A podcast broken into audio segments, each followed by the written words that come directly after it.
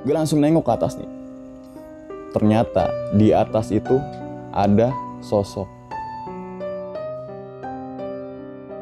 Berarti baru nggak situ berarti semalam itu gue bermalam di malam Jumat. Kalau selama pendakian itu ada rekan gue yang bercandanya konyol, sompral, gila gitu. Omongannya nggak dijaga. Kalau bercanda itu berbau dengan seks gitu. Ya mungkin ini sebabnya. Kamu itu ada yang jagain. Kamu itu ada keturunan dari Kasepuan Cirebon.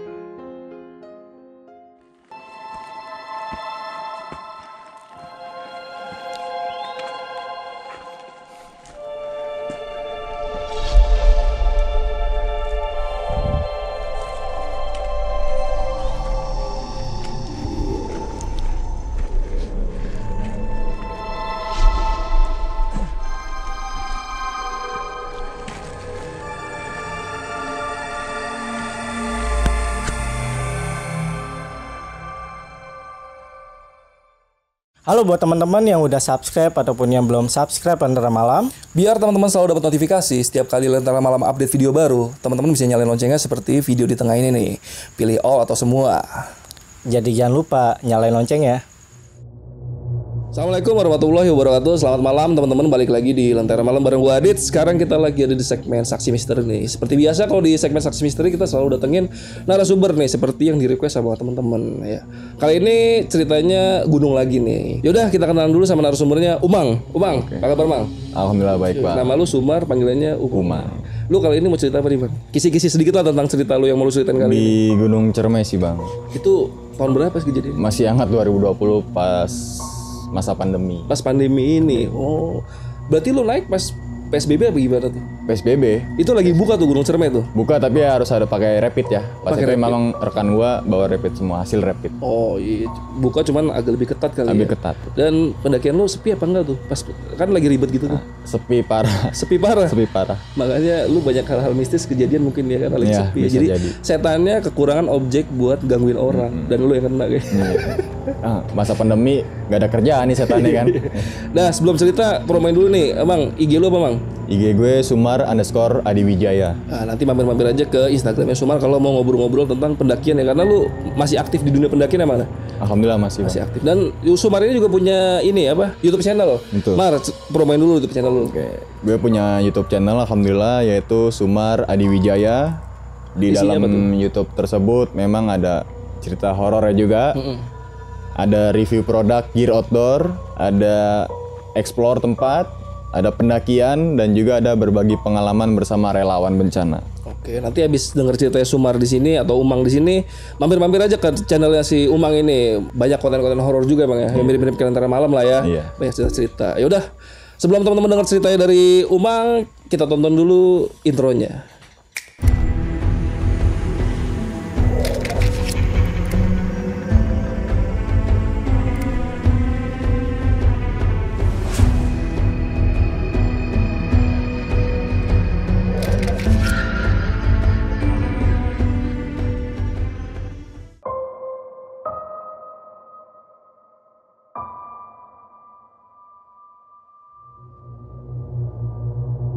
Bismillahirrahmanirrahim. Assalamualaikum warahmatullahi wabarakatuh. Salam sejahtera untuk teman-teman semua.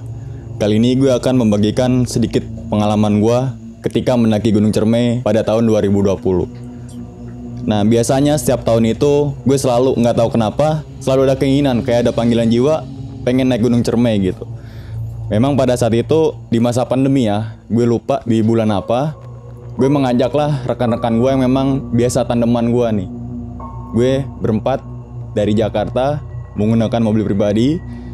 Singkat cerita, kita sampailah di Majalengka. Jadi gue itu lewat Apuy. Kenapa gue lewat Apuy? Karena memang gue ngebawa temen gue yang notabene barulah naik gunung gitu. Gue bermalam dulu di salah satu rumah rekan gue. Tepatnya itu di dekat Balai Desa Harga Mukti di situ. Gue ngobrol-ngobrol panjang lebar seperti biasa, kita mencairkan suasana serta aklimasi tubuh karena memang pada saat itu kan beda. Suhu di Jakarta dengan suhu di kaki Gunung Cermai kan beda. Nah, sekalian gue juga packing nih. packing ulang. Tapi logistik udah gue bawa dari Jakarta. Gue packing ulang, gue istirahat. Nah, jam 9 itu gue mulai bergerak nih dari tempat rekan gue menuju ke base camp pendakian. Di situ biasanya mungkin teman-teman semua kalau naik gunung di base camp pasti ada dong rombongan pendaki nih, entah itu satu rombongan, dua rombongan, tiga rombongan. Ini nggak ada sama sekali.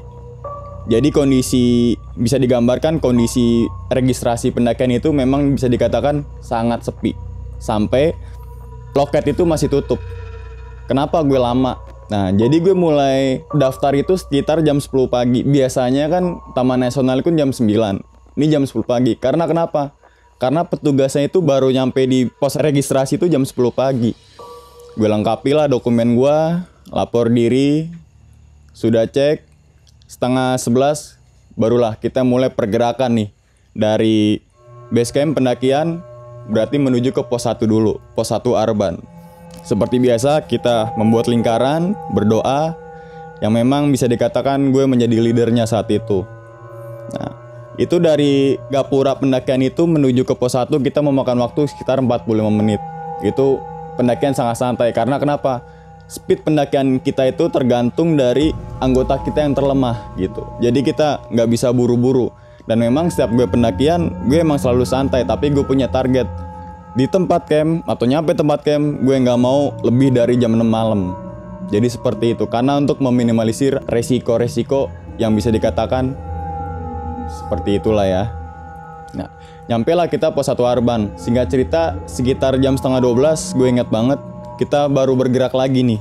Dari pos 1 menuju ke pos 2. Gue lupa nama pos 2-nya sang yang apa, mungkin kalian teman-teman semua bisa searching nama posnya. Nah, dari pos 1 pos 2 ini, formasi kita kan berempat. Gue tuh berada di urutan kedua. Sedangkan tandeman gue ini namanya Yonan, emang biasa dia di bagian belakang. Ketika gue naik bergerak dari pos 1 ke pos 2 Memang kan karena gue lokasinya atau uh, susunan pendakiannya itu gue di tengah Ketika kita ada tanjakan pasti kan kita ngebreak dan lihat ke belakang kan seperti itu. Nah memang kondisinya ini karena gue tahu Yonan ini seperti apa wataknya Terus juga ketika ada terjadi apa-apa gue tahu gitu. Ini memang Yonan ini berbeda dari biasanya gitu ketika gue ajak dia naik gunung kondisi Yonan ini keringatnya tuh kayak seperti orang kehujanan. Sambil deh melirik kanan kiri, seakan-akan tuh ada sesuatu di kanan kirinya. Kayak orang lihat, tapi dia pengen ngeliat nih objek apa yang dia lihat seperti itu. Nah, itu gue mulai bergerak sampai akhirnya lah kita sampai di pos 2. Di pos 2 ini seperti biasa, kita ngobrol, kita ngopi dan sekali lagi nggak ada pendaki lain kecuali rombongan gua di pos 2 ini Yonan sambil bisik-bisik gua. Jadi dia ngomongnya ke gua sambil bisik-bisik kanan gua. Mang, belakang nggak beres, Mang. Kenapa ya gue bilang kan? Ini kayaknya ada ngikutin. Nah, jadi dia tuh ngomong kayak gitu tuh samping gue ya. Dia nggak ceritain kedua rekan gue yang dua ini. Dia sambil bisik-bisik mungkin untuk biar nggak ngedownin mental mereka gitu.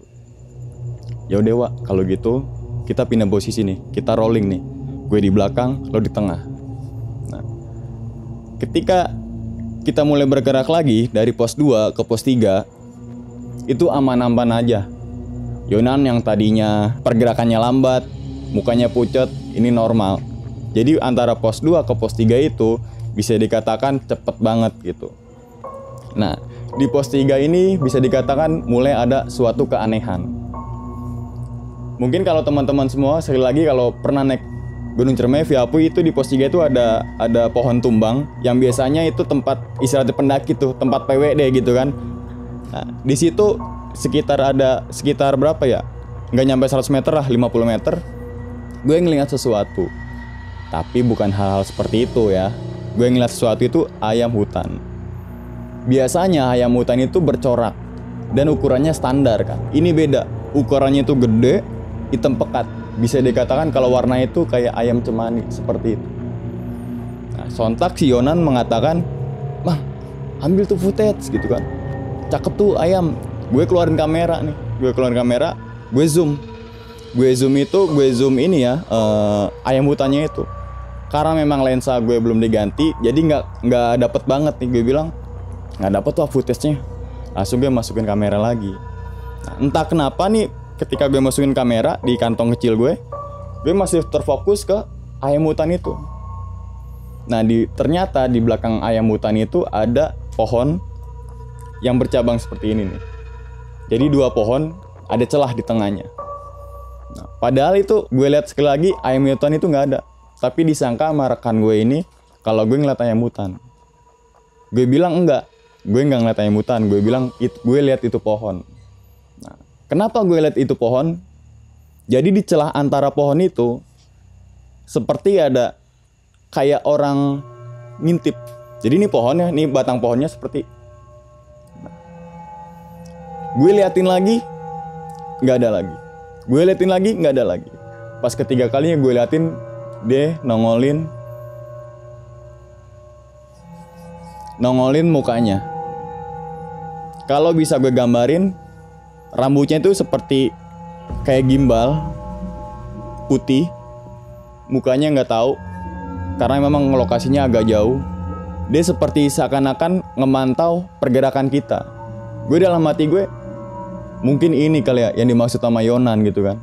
Mungkin ini nih sosoknya yang bikin Yonan ini nggak nyaman ketika berada di urutan belakang. Nah, pada saat itu dia tuh mulai agak jauh ke arah semak-semak tuh dia jalan. Jalannya itu kalau kita orang normal, jalannya biasa dong kan seperti itu. Ini jalannya beda. Jalannya bisa dikatakan compang camping. Jadi gue ngeliat itu makhluk bukan kayak kita kayak gini ya, nggak jadi kita kayak ada sama-samaran gitu. Jadi di belakang makhluk itu agak tembus bayangannya tuh. Mungkin kalau misalkan di bagian editing opacity-nya tuh berkurang seperti itu. Karena gue merasa nggak nyaman di pos 3, gue nggak pengen tahu makhluk itu apa. Yuk, gue bilang, kita bergerak lagi yuk. Kita menuju kos pos 4. Kita masih ada waktu nih. Pokoknya ingat sekali lagi, kita nggak boleh sampai di tempat camp itu maghrib. Maksimal sebelum maghrib. Selalu gue tekankan seperti itu. Dan setiap di pos itu selalu gue bilang lo aman nggak? Maksudnya aman itu dalam artian lo capek nggak gitu kan. Lo capek nggak? Lo capek nggak? Aman mang. Mulailah bergerak. Seperti biasa gue berada di bagian belakang.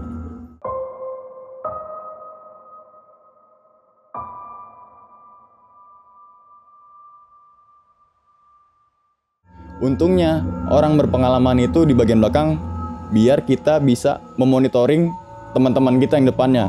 Kalau yang berpengalaman di depan, otomatis kita nggak tahu kondisi dari rekan-rekan kita ini. Nah, singkat cerita, gue bergeraklah ke pos 4. Dari pos 3 ke pos 4 ini, bisa dikatakan jalannya itu agak agak terjal tapi nggak begitu terjal ketimbang jalur Linggarjati dan juga jalur Palutungan. Nah, itu sekitar kita lama karena kenapa? Karena kita berpapasan dengan pendaki. Biasa kan kalau kita ketemu pendaki misi bang, misi bang dari mana, berapa orang kan seperti itu ya. Sampai akhirnya gue di bagian belakang itu ada orang nih jalan. Ya pakainya pendaki. Gitu. Gue nanya dong, Mas di atas rame. Kalau kita mah sepi mas, kalau yang lain rame. Nah, itu masih tanda tanya. Itu perkataan dia itu selalu gue inget tuh maksudnya apa ya yang dia ucapin itu? Dia ngucapin itu sambil agak nyeringai gitu. Seperti bisa dikatakan ya orang sinis lah kayak gitu. Tapi pakainya pendaki. Pakainya pendaki deh. Nggak berwujud yang aneh-aneh enggak nah sampailah kita di pos 4 di pos 4 ini gue gunakan untuk sholat asar. Emang ketika di pos 4 itu udah menjelang asar. Yaudah yang sholat sholat yuk gue bilang. Nah gue lama lama break itu setiap pos karena kenapa? Karena gue bermaksud biar ada lagi nih rombongan lain nih yang naik gitu. Jadi gue uh, bisa dikatakan nungguin akan tapi sekitar satu jam gue di pos 4 itu nggak nemuin rombongan lain. Jadi benar-benar rombongan kita to berempat. Nah dari pos 4 menuju pos 5 sekitar jam 4 kita mulai bergerak yuk bergerak yuk gue bilang ini kalau kita kelamaan di sini kedinginan. Memang kondisinya saat itu kabut. Wajar lah di gunung gitu kan kabut. Tapi itu nggak ada tanda-tanda bahwasanya hujan. Yang teman gue ini kan mungkin karena baru naik gunung eh, eh hujan nih udah pakai jas hujan gitu kan. Gue bilang nggak ini normal kok. Di gunung ketinggian segini berkabut. Gue kasih penjelasan singkat seperti itu. Barulah kita bergerak dari pos 4 ke pos 5 berarti ya. Nah, dari pos 4 ke 5 ini, si rekan gue ini baru beberapa langkah dari pos 4. Jadi sekitar 50 meter lah, 50 sampai 70 meter dari pos 4 itu ada pohon dua gede yang memang bisa dikatakan itu pohon hampir sama lah gitu. Jadi kita kayak masuk gapura nih gitu. Yang urutan paling depan ini kayak baru jalan, kayak depan itu ada kaca, jadi kayak kepentok, duk gitu seakan-akan ada sket antara ya seperti itulah ketika pas di pohon itu ya gue bilang kenapa? Lanjut. Kagak mang. Rolling rolling. Maksudnya rolling itu pindah posisi nih. Gue nggak mau depan. Ya udah lo depan deh. Yang nggak gue sebutin namanya di depan. Ketika di rolling aman-aman aja lagi tadi tuh. Dengan posisi sama gue di bagian belakang. Karena gue bisa mantau pergerakan mereka gitu.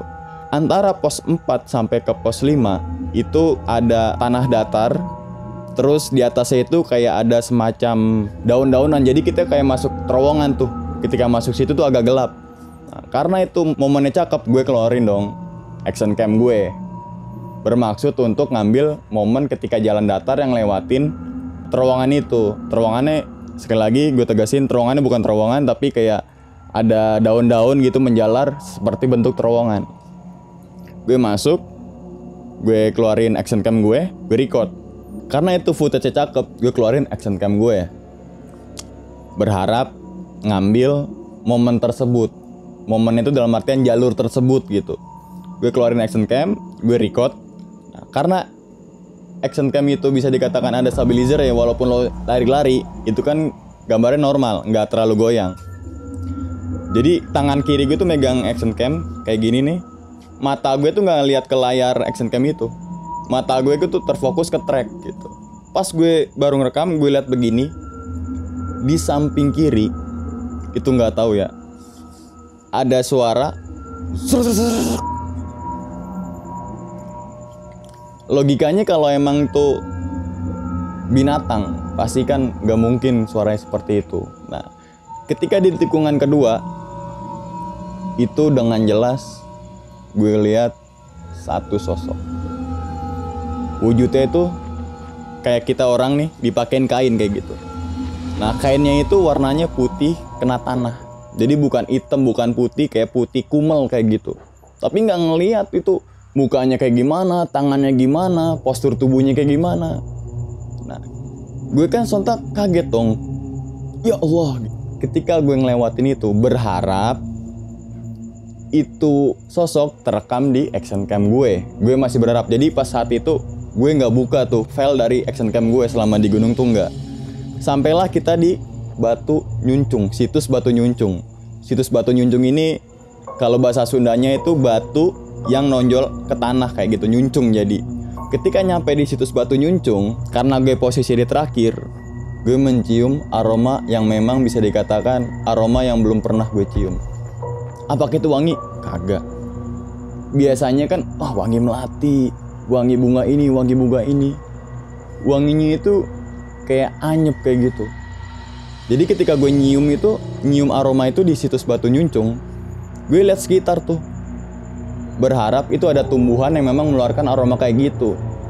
Tapi pas gue mata ini coba ngeliatin tumbuhan, dan ternyata kagak ada tumbuhan yang memang baunya kayak gitu.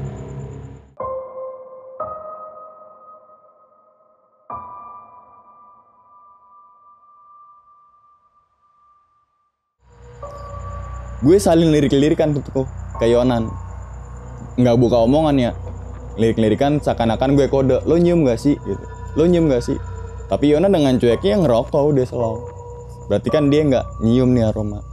Berarti gue aja yang nyium. Di situs Batu Nyuncung ini memang tuh ada tanda ya bahwa dilarang bermalam di dekat situs Batu Nyuncung. Itu gue juga nggak tahu kenapa ya kita hargain lah kearifan lokal atau adat istiadat di situ sekitar 30 meter 30 meter lah. Gue nyium lagi aroma kayak gitu. Kalau aroma yang kedua kali gue cium itu kayak kita masuk ruangan yang memang gak pernah dimasukin sama orang. Jadi kayak anyep. Slup. kayak gitu. Sunyi itu tiba-tiba. Nggak tahu gue doang atau rekan-rekan gue yang lain. Karena sekali lagi posisi gue berada di belakang. Nah, pas saat kayak gitu gue diem gue lirik ke belakang nggak ada apa-apaan. Gue lirik kanan kiri nggak ada apa-apaan. Yang gue lihat tuh hanya pohon tumbuhan nggak ada sosok-sosok inilah nggak. Emang saat di kejadian situs batu nyuncung ini gue mencoba kendalikan rasa takut gue karena ini hal terpenting sih mengendalikan rasa takut di kondisi apa pun. Dan jangan panik. Nah, dari situs batu nyuncung berarti kita punya target di pos 5 kita untuk bermalam itu baru jam 5 kita mulai bergerak mulai bergerak akhirnya kita sampailah di bawah pos 5 bisa dikatakan pos bayangan 5 gitu gue lupa nama posnya sang yang apa Nah, ketika gue nyampe di pos bayangan itu, gue nggak nggak feeling nih bahwa itu bukan pos 5. Memang tanahnya datar. Banyak kalau teman-teman naik cerme kan ada kayak kafling ya. Kita naik gunung, oh nih kamu bermalam di kafling ini ya, kafling ini ya gitu kan. Itu gue sedikit diem ya, karena memang kondisi udah agak sore dan kita juga udah mulai agak lelah. Gue berinisiatif untuk mau ngecek ke atas. Tapi rekan gue ini menyodorkan diri nih. Udah mang, gue aja yang naik, gue aja yang ngecek nih. Gue briefing dulu. Lo mau ke atas, mau ngecek, maksimal 5 menit, lo nggak nemu itu pos 5, lo turun lagi gue bilang. Ya udah mang, DP lo taruh sini, lo naik deh. Saat itu kan gue pakai jam ya, gue stopwatchin tuh dia.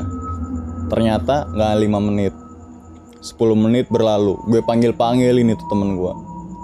Woi, woi. Sebenarnya gue manggil nama ya, tapi nggak ada sautan dari atas. Rekan gue ini nggak nyaut. Karena gue panik, panik itu dalam artian gini ya, gue pengen cari informasi keadaan dari rekan gue nih, bukan panik, wah gimana nih gimana, enggak. Justru kalau panik kita seperti itu, ada aja sugesti-sugesti kita yang masuk. Gue sampailah di pos 5. Ternyata rekan gue itu ngelihat ke arah puncak. Jadi pos 5 itu kan udah ngeplong ya ke arah puncak kayak gitu tuh dia terfokus di agak sebelah kanan. Jadi sebelah kanan itu ada pagar-pagar, entah itu apaan, gue juga nggak tahu. Dia lagi bengong, lihat ke arah puncak itu. Gue tepok ini ya pundaknya. Lo gue panggil di mana lo? Dia diem, baru dia sadar. Wah, kagak mang, lo manggil gue dia bilang. Iya gue kan manggil lo. Anak-anak manggil lo semua, gue bilang. Tapi dia nggak ngedengerin tuh, atau nggak terdengar suara panggilan nama dia itu. Ya mungkin positive thinking ya karena angin gitu kan jadi suara kita nggak nyampe ke atas. Ya udah karena pos 5 saat itu ngeplong dan saat itu kondisinya bisa dikatakan berdebu, gue tarik mundur lah dia. Ya udah kita bermalam di pos bayangan 5 aja. Gue tarik mundur. Dan memang kalau jalan itu sekitar 2 menit udah sampai di pos bayangan 5 dan misalkan pos bayang 5 mau ke pos 5 ya 2 menit juga emang saat itu kondisinya nggak terlalu jauh gitu sekitar 200 meter karena saat itu memang bisa dikatakan suasananya itu agak mendung tapi nggak hujan jadi gue posisi tenda itu saling berhadapan-hadapan nih gue bawa tenda kapasitas dua orang semua gue hadapan di belakang atau pantat tendanya ini diapit sama pohon gede dua. Pas gue masang tuh tenda di atas pohon yang di pantat belakang tenda gue itu gue dengerin sangat jelas banget suaranya itu kayak itu gue masih positive thinking bahwasanya itu adalah gesekan ranting. Kan kayak gitu kalau kena angin pohon kegesek kan krek gitu kan tapi ketika gue lihat ke atas ternyata itu pohonnya nggak ada ranting-ranting bergesekan. Jadi pohon kayak mati nggak ada daun-daunan kering dan memang tangkai utamanya aja tuh yang menjulur ke atas tuh.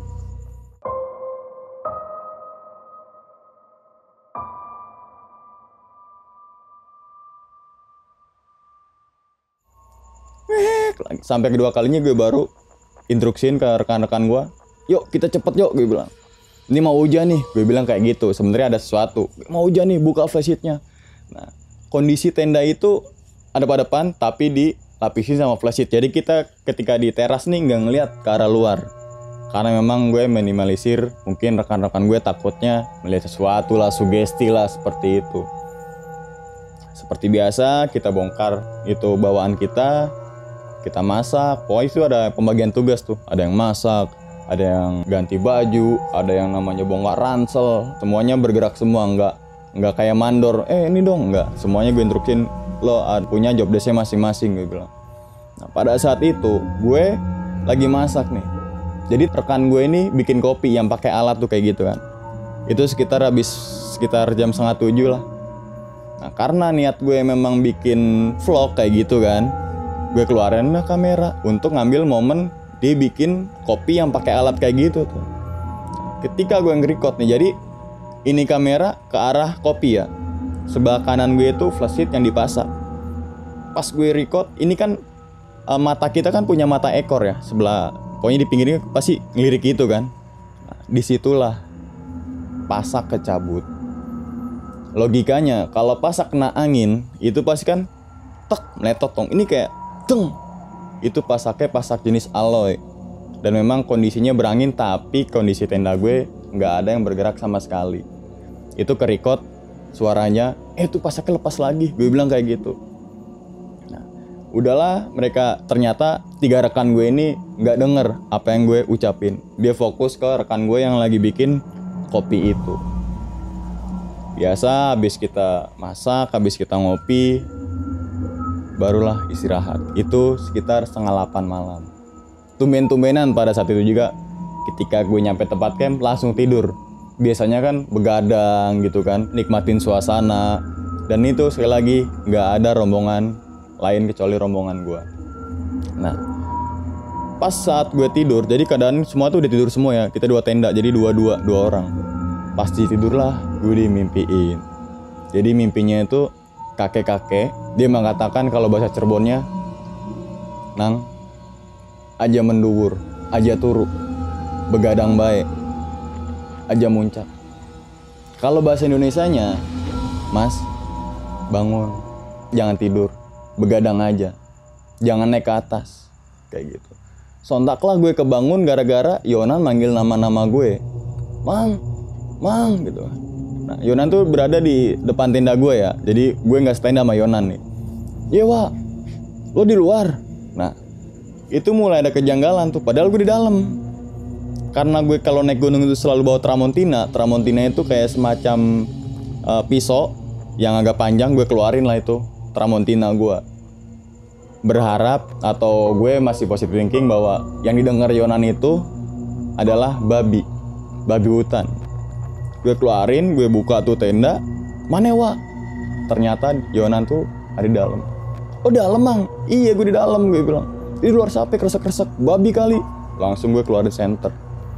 Ayo wa kita keluar wa tapi saat itu jangan mang jangan keluar. Nggak tahu kenapa itu. Jangan mang jangan keluar.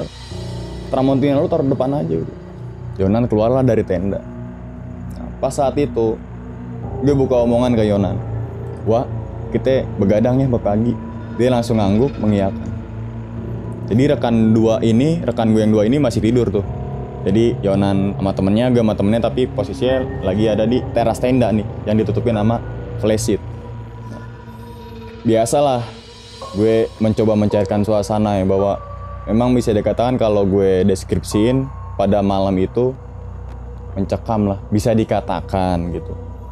Nah namun ketika sekitar jam 11 malam itu angin gede parah. Tapi yang anehnya sekali lagi tenda gue flashlight gue nggak ada yang gerak. Nggak ada yang gerak sama sekali. Sampai akhirnya nggak tahu kenapa ya gue kan BAB lah ya. BAB di gunung tuh gue selalu BAB entah di mana pun tuh gunungnya gue selalu BAB dan biasanya muncul BAB ini ketika malam hari ketika kita mengonsumsi makanan yang baru kita sampai di tempat kami itu angin gede gitu kan. Wah gue BAB dulu ya ke belakang. Yaudah emang tapi jangan jauh-jauh ya nah barulah gue ngambil headlamp ngambil tramontina pakai jaket keluarlah tenda.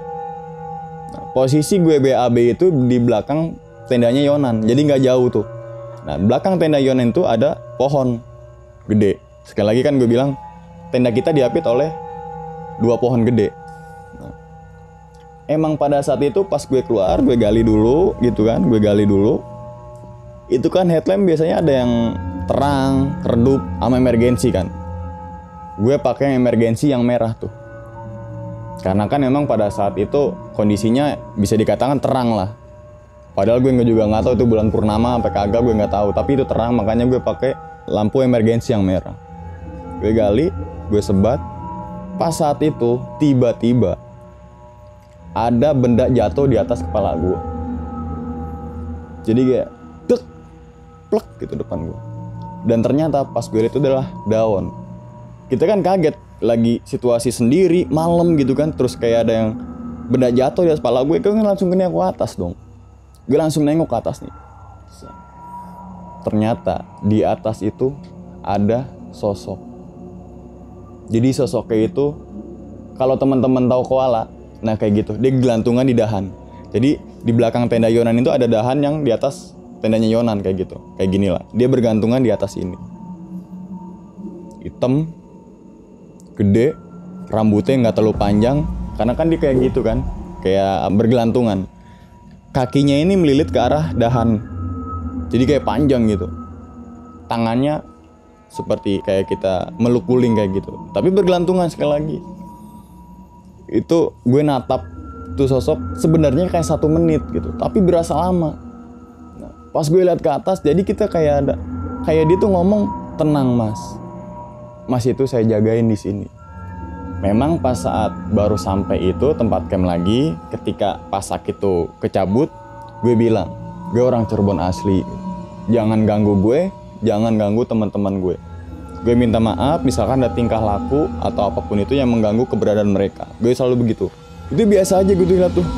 Nggak nggak tahu kenapa nggak ada rasa takut pada saat itu pada saat ngeliat tuh sosok itu.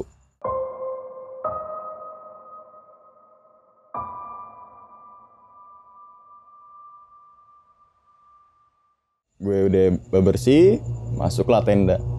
Lama banget lo boker dia bilang gitu ke Yonan mungkin apaan? Gue lima menit gue bilang. Ya udah keep di situ. Keep di situ Yonan. Jam 12 tank. Gue ngeluarin kamera lagi untuk ngambil momen sekali lagi.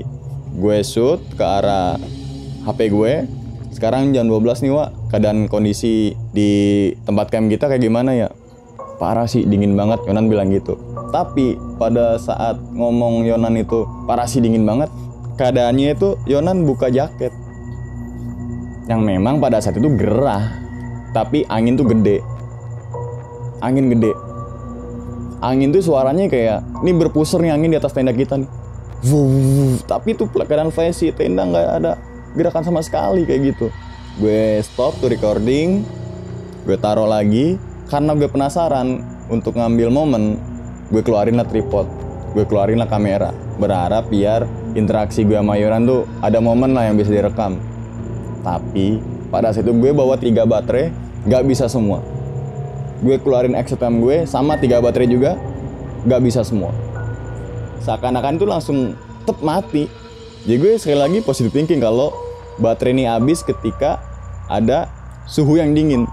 Tapi pada saat itu nggak dingin sama sekali. Kita kegerahan di dalam tenda. Kita kegerahan parah pokoknya dalam tenda. Sampai gue buka jaket gue lepas sleeping bag Yonan juga sama. Sekitar jam setengah satu. Gue bilang ke Yonan kawan gue wah sekarang jam setengah satu. Biasanya jam-jam kayak gitu krusial banget nih. Akan interaksi mereka. Gue gituin.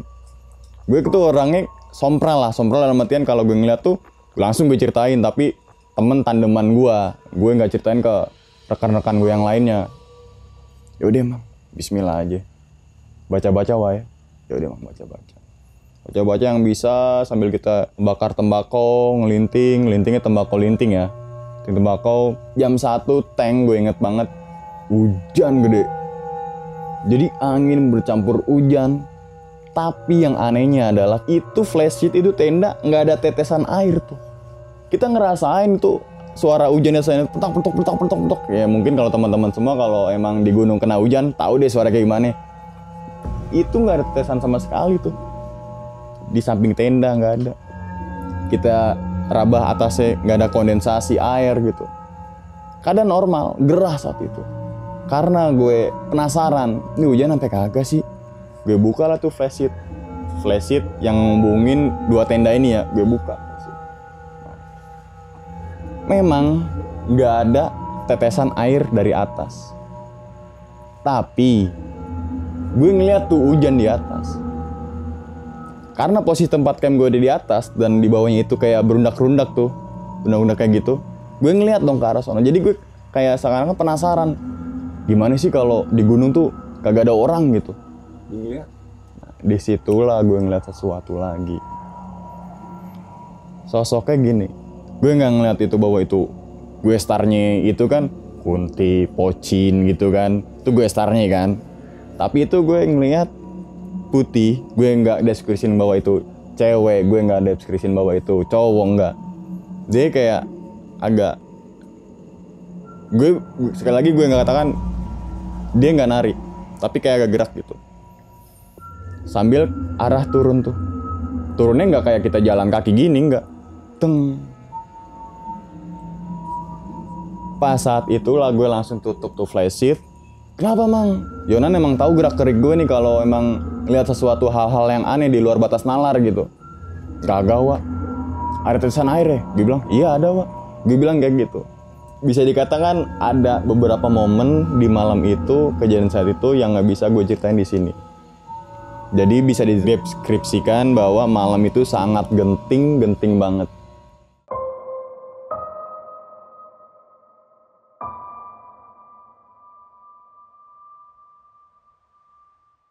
ketika jam 3 nih, jam 3, jam-jam ganjil kan jam-jam yang disukai nama makhluk itu katanya kan kayak gitu.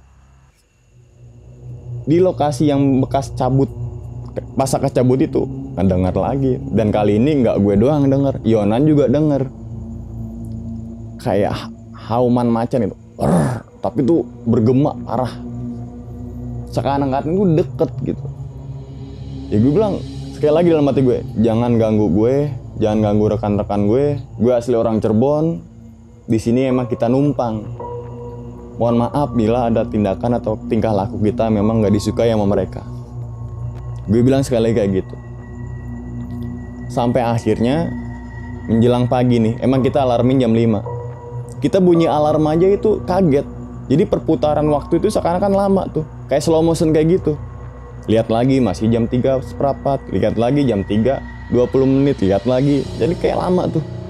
Sampai jam 5 suara suara alarm gue itu bunyi. Gue aja kaget saking emang saking tegangnya saat itu. Wah lo bangunin tuh temen lo yang situ. Gue bangunin temen gue yang situ. Yo yo yo samit gue bilang samit lo masak deh kita kan udah begadang malam. Gue nggak ceritain bahwa nan- semalam tuh kejadian tuh seperti ini seperti ini. Enggak nggak gue ceritain kayak gitu. Pada saat itu gue selonjoran dulu ya karena kan lumayan juga dari jam 8 malam sampai jam 5 kan duduk doang gitu kan. Main capek juga punggung gue pengen rebahan nih. Selonjorin pundak lah kayak gitu gue rebahan. Pas gue rebahan ini ternyata dimimpiin lagi gue. Pagi-pagi loh itu. Mungkin ya karena saking kecapeannya gue gitu kan. Jadi di mimpinya gue itu kayak gitu kayak gini nih. Kita masuk di suatu gerbang. Gerbangnya itu batu bata terus rapi kayak layaknya konstruksi khas Cirebon kayak gitu. Batu bata rapih merah gue lewat ke situ. Nah, pas gue ngelewat situ tuh di dalam tuh putih. Nggak ada ngeliat apa nggak putih. Gue masuk ke situ barulah nongol rumah-rumah adat Cirebon. Kanan kiri kayak seakan-akan tuh desa biasa gitu. Bangunannya setiap rumah itu hampir sama biliknya dari rotan yang dirajut tiang-tiangnya dari kayu atapnya dari kayak jerami kayak gitu. Gue nyusurin tuh desa. Gue mengatakan itu bukan desa gaib itu kan mimpi gitu kan. Jalan tuh gue di desa itu. Gue lihat kanan kiri nggak ada interaksi sama sekali. Emang gue saat itu nggak ngeliat orang ya di di dalam mimpi gue itu. Sampai akhirnya gue masuk di salah satu gubuk gubuknya ini di bawahnya itu pondasinya batu terus rapi tuh.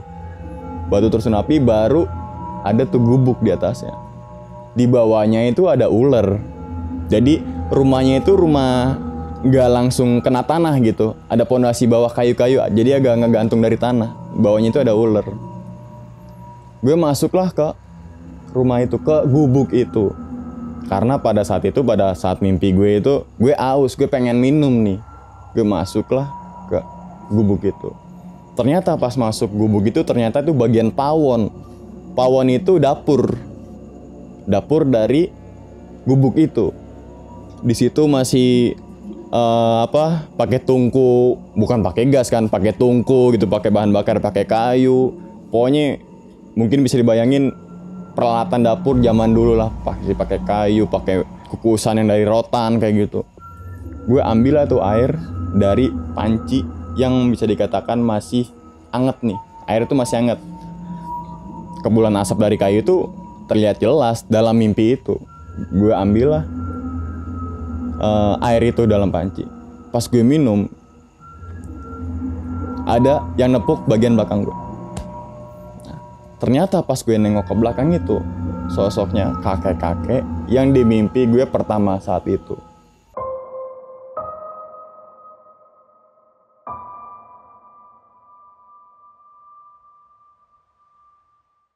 kondisi dia agak kayak bungkuk dikit ya kayak bungkuk dikit. Bajunya kayak baju lusuh. Yang mungkin gue nggak berani sebut namanya itu kakek kakek siapa namanya. Mau ke mana mas? Tapi bahasa Cirebon ya. Mungkin ini gue translatein bahasa Indonesia nya mau ke mana mas? Ini kek saya mau minta airnya. Haus banget bilang yaudah kamu duduk di situ. Duduklah di bagian teras bagian teras dari gubuk itu kayak meja dari kayu kayak gitu. Gue duduk di depan dengan dilasin karpet rotan. Pada saat gue di teras itu ternyata kakek-kakek itu masuk bikin teh. Tapi tehnya itu ada daun inilah ada daun itulah. Mungkin bisa kalian gambarkan adalah teh uwuh wedang uwuh kayak gitu. Jadi kayak seakan-akan itu sampah dalamnya kayak gitu tuh. Tapi teh teh gue minum. Mau ke mana? Mau ke atas kek? Jangan ke atas dulu deh. Di atas lagi nggak beres. Mendingan kamu mendingan kamu langsung turun aja secepat mungkin. Pas dialog kayak gitu dia menceritakan seluk beluk terkait Gunung Ciremai yang ada kakek dari Sunan ini dari Nyilinggi. Dia ceritain semua tuh. Dalam pembicaraan saat itu gue sama si kakek itu. Di akhir pas jadi pas gue pengen bangun itu mau ke mana? Udah nanti dulu di sini. Nggak kek saya mau ke atas. Jangan dia bilang. Jangan ke atas. Baru dia kasih tahu. Kamu itu ada keturunan darah kesepuhan Cirebon mas. Ya gue gue juga kaget kan. Gue baru tahu saat itu. Itu kan saat, saat mimpi gitu kan yang benar kayak iya buyut kamu itu kamu punya keturunan darah kasepuhan Cirebon. Pas gue bangun lagi tepok lagi tuh pundak gue. Tek, duduk dulu mas ini nanti dulu. Kakek mau cerita. Yang memang pada saat itu panjang lah cerita yang gue ingat. Gue nggak ingat gitu pembahasan nama kakek itu. Akhirnya kakek itu ya udah mas ingat ya pesan saya. Jangan ke atas langsung cepetan turun. Gue inget tuh perkataan itu sampai akhirnya gue dibangun sama rekan gue. Mang mang. Ternyata pas dibangun itu jam 10 pagi. Mungkin gue flashback ke mimpi gue pas gue bangun itu mungkin di, di ini ya dibangunin sama rekan gue gitu. Bang bangun. Tapi kakek itu nanti dulu. Pas gue mau diri lagi dalam mimpi gue mungkin nyatanya itu gue dibangun sama rekan gue gitu.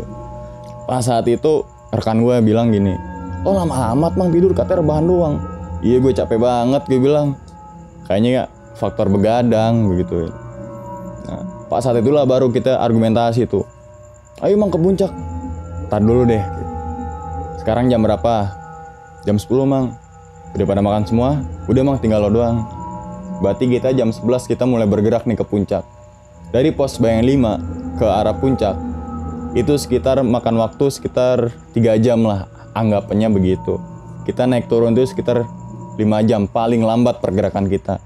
Kalau dari jam 11 kita makan waktu 5 jam Berarti kita nyampe tempat camp lagi itu jam 4 gitu kan Jam 4 sore. Kita nanti ketemu malam di jalur pas turun. Rekan gue ini yang baru naik gunung ini ego tuh mulai main ego tuh. Bisa mah nggak apa-apa kita turun malam. Gue jelasin lagi secara singkat gak bisa gitu gue bilang.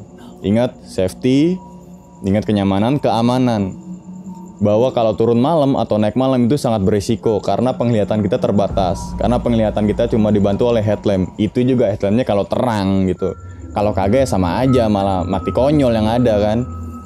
Udah mulai-mulai argumentasi tuh. Gue bilang ya udah kita ngambil suara aja. Kita musyawarain nggak dapet hasilnya. Kita mau kita voting aja deh.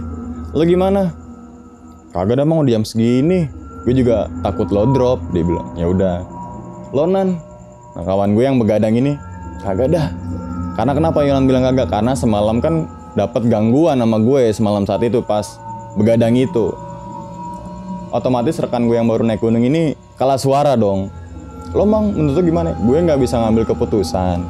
Maksudnya tuh gue nggak bisa ambil voting gitu voting suara. Gue cuma menjelaskan kalau turun malam begini begini begini. Yaudah bang kalau gitu kita stay aja di sini. Ye namanya mungkin yang man- namanya baru naik gunung kan dia udah ngeluangin waktu udah ngeluangin biaya gitu kan udah capek masa nggak puncak? Kan seperti itu kebanyakan gitu kalau baru-baru naik gunung gitu. Nah yaudah kita habis suhur kita prepare turun ya gitu yaudah mang deh. Sambil nyicil packing lo packing barang pribadi lo aja sleeping bag mulai digulung gue bilang biar cepet nih. Karena sekali lagi gue inget pesannya itu cepetan turun pada saat gue packing nih pada saat gue packing ada rombongan pendaki yang naik baru sampai di pos 5 sekitar jam 1 lah baru nyampe pos 5 biasa kita kan senang banget namanya baru ketemu pendaki kan. Pada saat itu bang semalam rame di sini. Ya gue bilang enggak bang gue rombongan gue doang nih berempat. Muncak bang. Gue bilang muncak. Gue gituin gue bilang muncak. Karena gue nggak muncak dan ada sisa dari air mineral itu. Karena kan di Cerme kan nggak ada minim ya minim akan sumber air gitu. Gue serain lah 2 liter ke rombongan mereka. Abang rombongan berapa orang? 10 orang. Nih bang ada rezeki air. Makasih banyak bang makasih banyak. Sambil gue packing sambil dia cerita dia nanya bang semalam hujan nggak di sini? Ya gue bilang hujan. Saat itu hujan bang. Nah pas gue bilang hujan bang dia langsung lirik ke arah tanah itu tuh lirik ini aja. Dan memang tanahnya itu kering. Pada saat itu tuh emang musimnya musim kemarau dan sangat berdebu. Tapi bang itu keep di situ gue. Gue nggak ngelanjutin perbincangan dia. Iya bang. Mungkin kena matahari jadi udah kering lagi. Jadi gue nggak bikin nggak mau bikin mental dia down saat kejadian semalam saat itu. Kita udah prepare. Jam 2 tuh kita mulai bergerak meninggalkan pos bayangan 5 ke bawah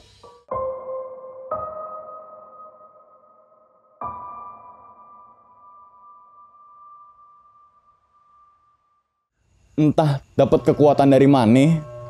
Jadi antar pos ke pos itu gue memakan waktu sekitar 8 sampai 10 menit. Ini kan di luar batas nalar. Seharusnya misalkan kita naik 7 jam turunnya kan otomatis setengahnya dong. Gitu tiga jam setengah. Rumusnya kan katanya seperti itu tapi dari pos bayangan 5 menuju pos 1 itu itu gue memakan waktu sekitar 30 menit. Semua rombongan gue itu. Gue jadi setiap pergerakan tuh gue stop watching stop watching gue catet. Stop watching. Yang nantinya itu adalah buku perjalanan gue gitu. Ketika ada orang yang nanya ya ini segini makan waktu segini segini gitu.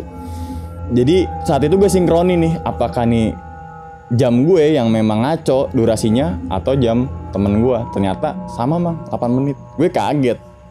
Dari pos ke pos itu 8 menit. Dari pos ke pos itu maksimal 10 menit ya. kadang 5 menit kita sampai sampai setengah jam kita sampai di pos 1 Arban. Pos 1 Arban karena memang kita masih sore. Udah kita santai aja dulu sini. Pos 1 Arban kan ke bawah tinggal kebun kopi. Jalannya jalan makadam gitu kan. Masih dilalui oleh motor bisa.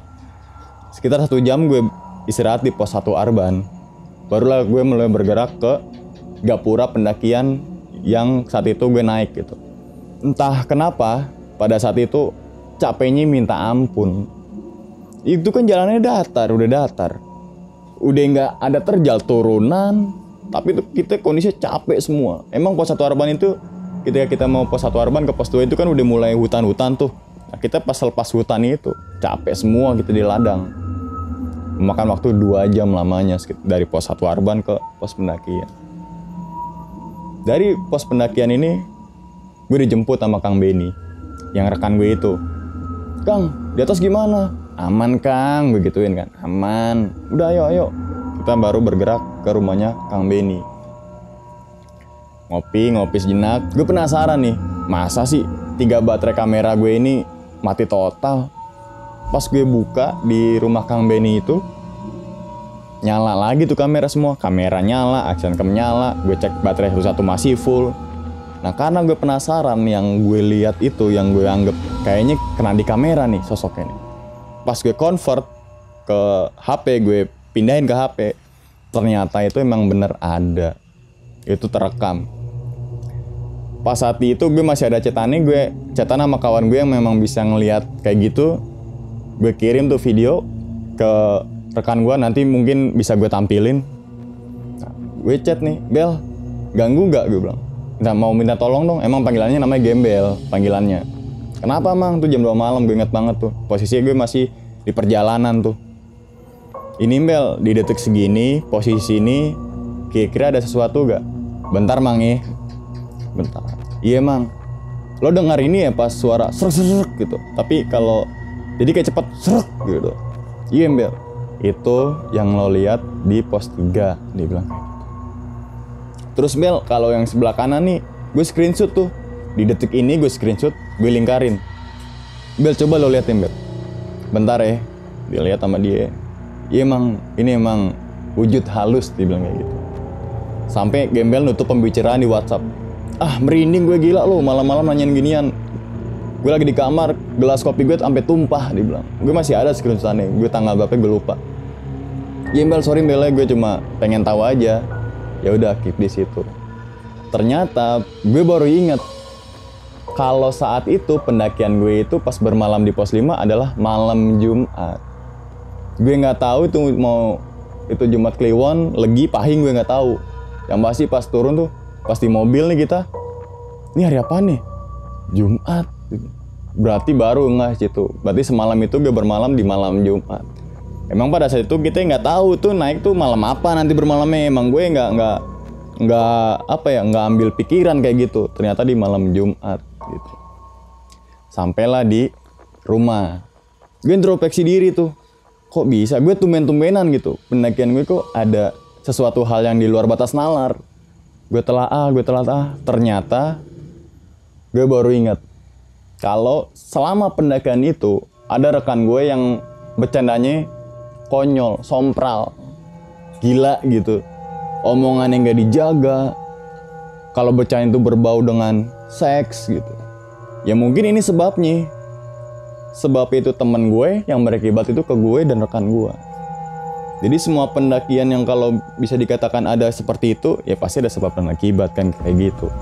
Nah baru beberapa lama nih sekitar dua minggu yang lalu gue pulang ke kampung gue menanyakan ke, ke nenek gue karena gue masih ingat dalam mimpi gue si kakek itu bilang kalau kamu itu ada darah keturunan Cirebon. Dia bilang kayak gitu. Gue bilang ke nenek gue emang di situ ada om gue? Dia bilang nek emang umang ada darah keturunan Cirebon ya? Maksudnya darah keturunan kasepuhan Cirebon. Kalau buyut sih ada nak.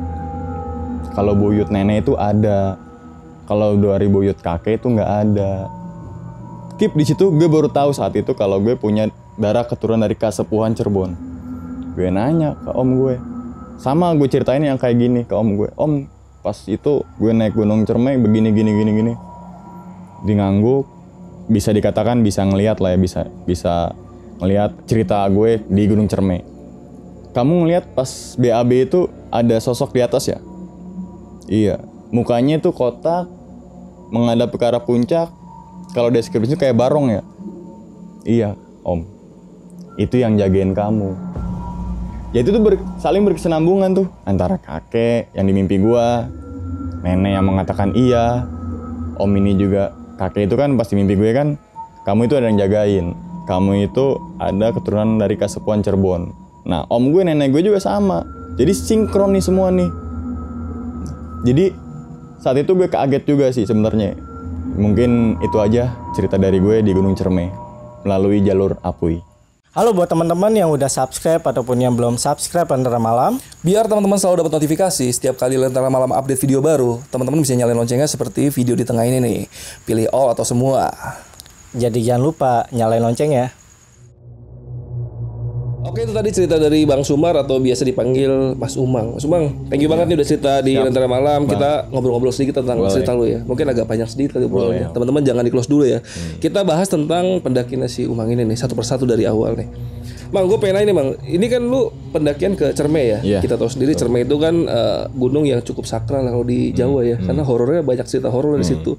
Nah, untuk pendakian Cerme kali ini nih pendakian lu yang keberapa ke Cerme? Jadi gue setiap tahun itu selalu ke Cerme bang. Setiap jadi, tahun? Jadi nggak tahu kenapa kayak panggilan jiwa aja gitu. Gue harus naik gunung Cerme nih setiap tahun. Nah, memang pada saat itu gue belum pernah lewat Apuy. Heeh. Karena gue ngeliat ngajak kawan gue kan yang baru naik gunung, lewat Apuy aja deh. Linggar Jati Linggar sana Palutungan kan treknya agak terjal gitu. Jadi yuk lewat Apuy. Oke oke. Jadi ini pertama kalinya lu lewat Apuy. Betul. Makanya lu tadi pas cerita juga ada beberapa pos yang lu agak lupa ya karena Iya. baru satu kali lewat sini. Mungkin teman-teman bisa cek sendiri lah di Google track apa nama-nama posnya bang ya. Karena ada berapa pos sih kalau salah? Eh berapa? Tujuh atau berapa ya sampai sampai puncak itu? Lu berarti sampai stuck di pos 5 itu ya? Eh bayangan Bayangan 5. Bayangan 5 karena belum nyampe pos 5 ya.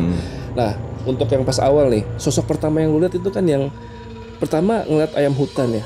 Itu yang ngeliat ayam hutan lu sendiri apa semuanya ngeliat sih? Cuma ngeliat. Semua ngeliat. Makanya kan dia ada salah satu rekan gua, eh itu ayam hutan tuh gede, cakep tuh. Kita jarang-jarang lihat ayam hutan, ambil kamera gitu buat footage gitu. iya, iya. Dan ternyata memang di belakang ayam hutan itu Lu malah fokusnya ke belakang ayam hutan itu. Ada yang ngintip. ada yang ngintip. Gimbalnya itu warna putih. Hitam putih kayak ubanan gitu. Bukan putih putih ya, bukan. Kalau mukanya nggak terlalu jelas. Enggak. Asumsi lu kayak apa sih kayak mak lampir atau kayak apa sih itu? Asumsinya kayak yang gue lihat di atas pohon itu. Di atas pohon yang lu lagi BAB. Hmm. Oh, berarti yang tadi kata eh, Pak Le lu apa siapa tadi Om yang gua. Om lu ya? Itu kayak barong gitu ya mukanya. Mukanya kayak barong. Oh, berarti yang yang di belakang ayam itu sama yang lu lihat di atas itu sama sosoknya. Sama. Nah, gue tambahin sedikit nih, Bang. Hah. Jadi ketika pas di kan suruh rekan gue tuh ke atas untuk lihat pos 5 sekitar 5 menit. Dan ternyata pas di bawah itu dia nyeritain lo kenapa? Gue bilang kok dipanggil nggak nyaut nyaut ternyata dia ngelai ngeliat monyet gede ukuran manusia dan ada mahkotanya lagi. Entah itu lagi berantem entah lagi berebut makanan. Oh. dan ternyata pas gue tanya om gue lagi itu memang ada yang nggak seneng sama salah satu rekan gue dari penghuni situ. Karena kelakuan yang tadi. Ya, dan ternyata lo tuh jagain bukan dari penghuni asli Cerme. Oh. Itu pendaki yang baru awam apa yang temen lu yang satu lagi itu? Yang ini yang baru Yang baru pertama kali naik pertama kali. Cerme apa? Baru naik Cerme sih sebenarnya. Tapi dia sering ngedaki gunung lain Enggak, sebelumnya. enggak. Oh enggak juga. Enggak, dari pas saat itu Saat itu baru pertama kali naik gunung. Iya. Naik gunung langsung cerme. Cerme. Mantep juga anda. Jadi kan gue tanggung jawab gue juga bang ya kan. Iya, iya. Untung gak lu ajak lewat Lingkar Jati. Nah, meninggal. Jadi udah nggak tahu dah kita kan. Karena gue pernah lewat Lingkar Jati tahun 2010 2011 lah. Hmm. Wah itu jalurnya sedih lah pokoknya. Gokil itu. Kalau Apuy agak enak jalurnya. Jalur jalur datar bang, mayoritas datar. Naik dikit datar, makanya kita cepet gitu. Oh. Iya iya. Nah, kan lu pas lagi ngambil eh, gambar ayam hutan itu, kan sempat ngeluarin kamera ya. Tapi tapi nggak nggak fokus nggak terlalu fokus lah ya. Karena lensanya salah lensa gitu kan. Tapi gambar yang di belakang itu ketangkep gak sih? Enggak. Jadi pas saat itu tuh gue ngelain kamera, gue ngambil fokus dulu bang. Jadi gue belum record. Oh iya. Ngambil fokus kok nggak dapet emang masih lensa bawaan kamera kan masih kecil tuh. Karena nggak dapet makanya nggak lusut gitu. Iya, baru gue gue masukin tuh masih ngeliat ke arah itu. Tapi ayam hutan yang nggak ada, gue ngeliat di belakang pohon itu. Nah berarti penampakannya itu siang-siang kan? Pas itu siang, yang pertama ya? Iya yang pertama Iya, masih siang kan. Siang. Nah untuk yang sosok berikutnya nih yang lu dengar suara brrrt itu, itu kan terangkap kamera ya. Ada. Ada ada footage-nya tuh. Footage yang putih doang tuh. Heeh. Yang kayak orang dibalutin kain putih gitu. Tapi jelas gak tuh di, di videonya? Ada. Jelas itu. Ada nanti gue coba kasih. Nanti dimasukin aja lah ya. Itu lu kalau mungkin orang masih banyak susah bayangin ya.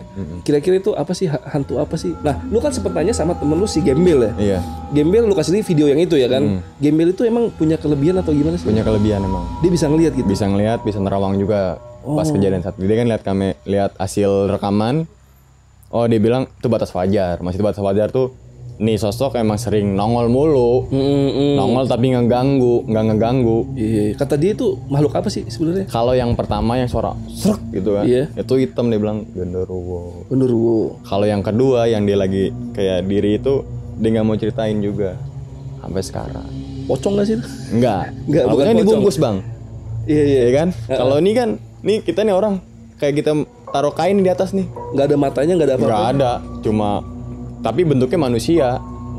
Bukan manusia, kayak manusia. Warna kainnya itu putih kena tanah coklat gitu. Iya kayak biasa dicerita kalau orang lihat pocong kali ya tanah-tanah kucel gitu Kucel ya, kena gitu tanah gitu. Itu lu yang lihat lu doang tapi yang itu. Gue yang lihat. Pas di track itu. Iya. Gue lihat kok. Emang kan posisi paling terakhir. Iya, iya. Kawan gue ag- agak berjarak nih. Emang pas saat itu lo ke depanan dong biar nggak ada orang ke kameranya gitu kan. Iya, Ya udah di gue doang. Tapi lu emang kalau lu sendiri ya, lu bisa ngelihat nggak sih kalau si Gembel kan lu cerita lu bisa ngelihat. Kalau lu sendiri gimana sih sensitif? Apa ada.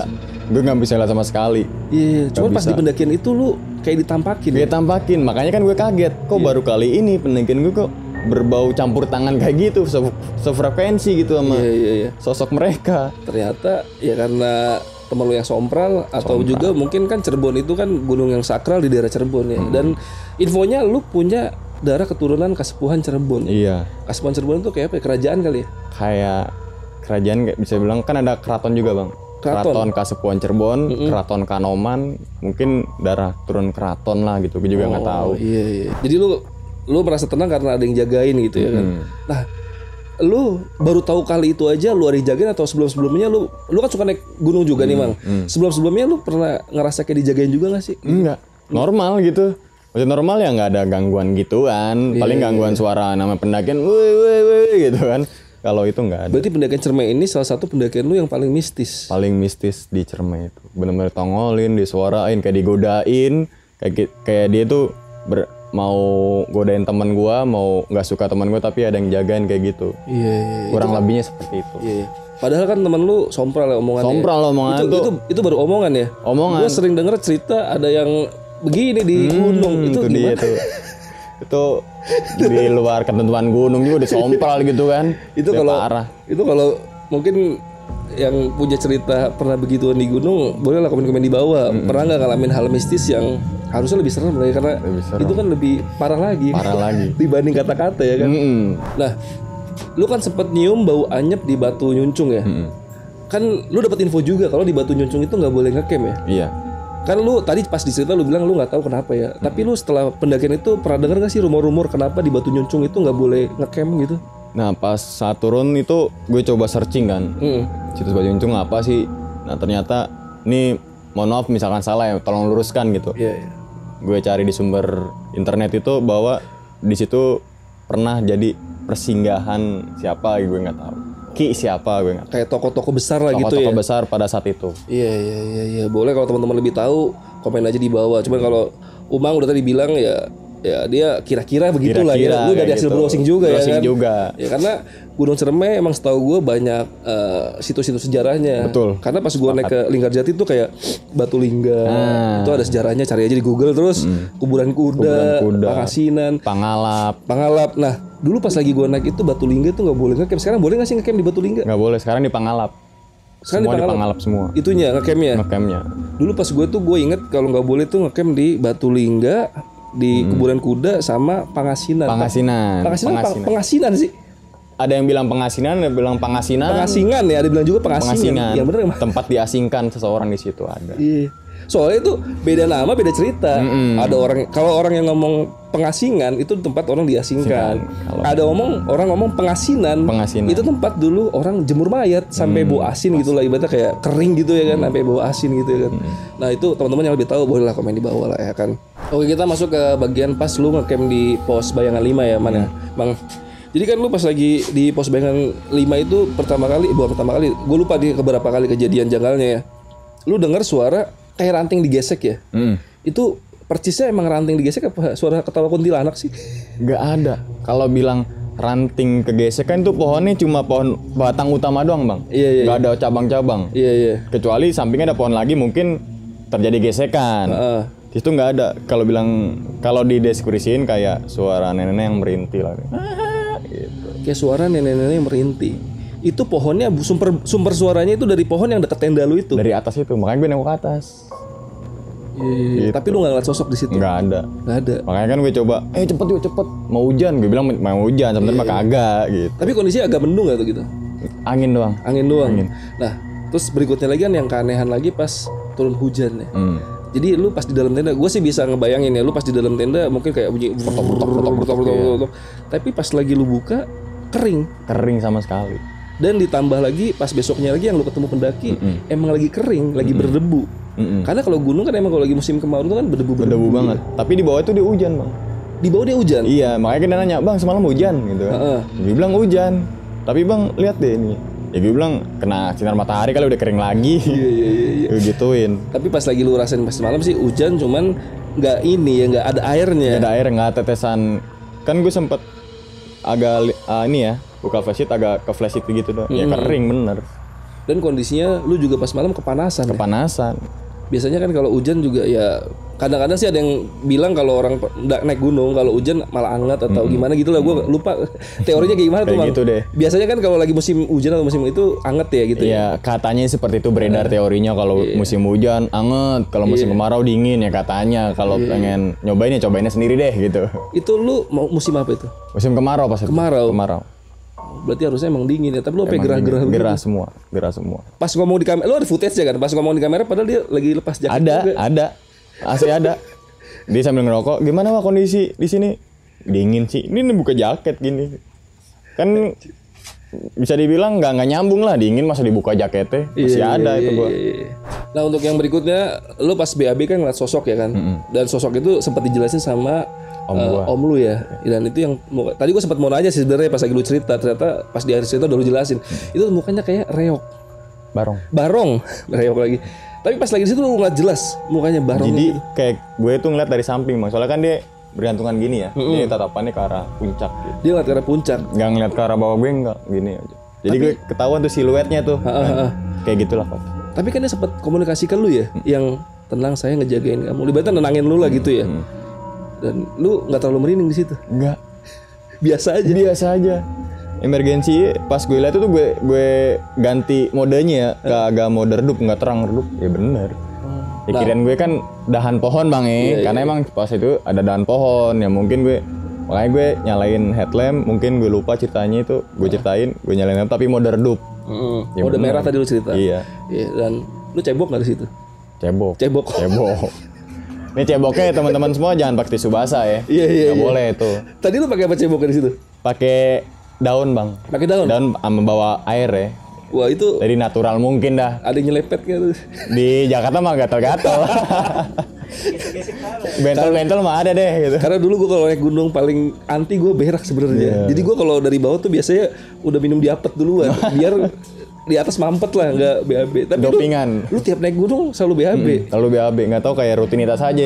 Biasanya kan teman-teman semua nih, lo makan dong, kagak ah. Nanti gue pengen berak. itu berak tuh kan hal yang wajar gitu. Jangan ditunda-tunda lah waktu berak berak udah. Ini sorry ya ngomongnya pakai berak ya karena ini kan bahasa tongkrongan aja ya. Iya. Tongkrongan aja. Teman-teman juga pasti kalau ngobrol sama teman-teman berak atau boker, Boker deh, sama aja lah ya sama kan. aja. Ya udah sama aja lah pokoknya. ini ngebahas berak. Ya, pokoknya gue kalau naik gunung selalu pasti minum diapet. Diapet. Biar gak berak di situ. Tapi lu ini ya emang hobi, mungkin hobi kan Hobi juga. Kadang pernah juga bang, gue berak tuh sambil bawa kopi tau gak?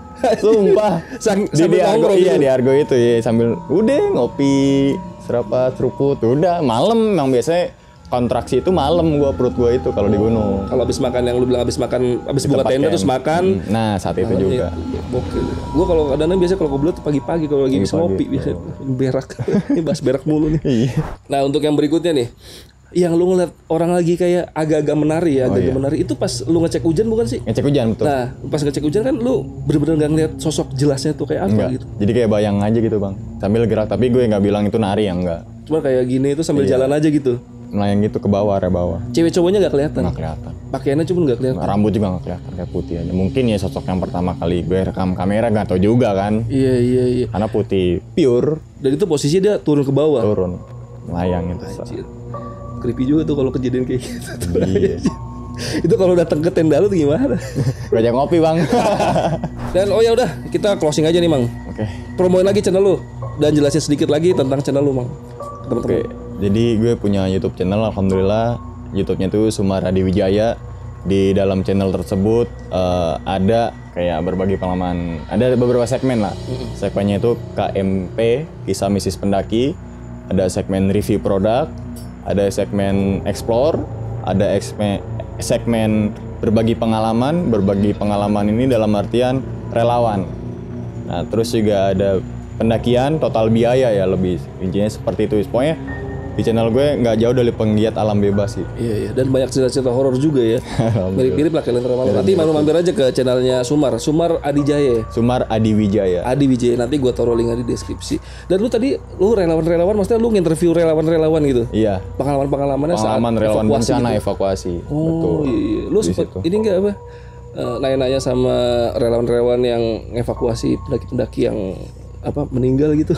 Meninggal ada di Palu dan mungkin gue juga ada pengalaman relawan di bencana gempa Lombok. Oh iya, pokoknya nanti lebih lengkapnya mampir aja ke channel Sumar lah. Thank you banget nih Mar, lu udah cerita di Lentera Malam. Semoga channel lu juga rame abis dari sini ya kan.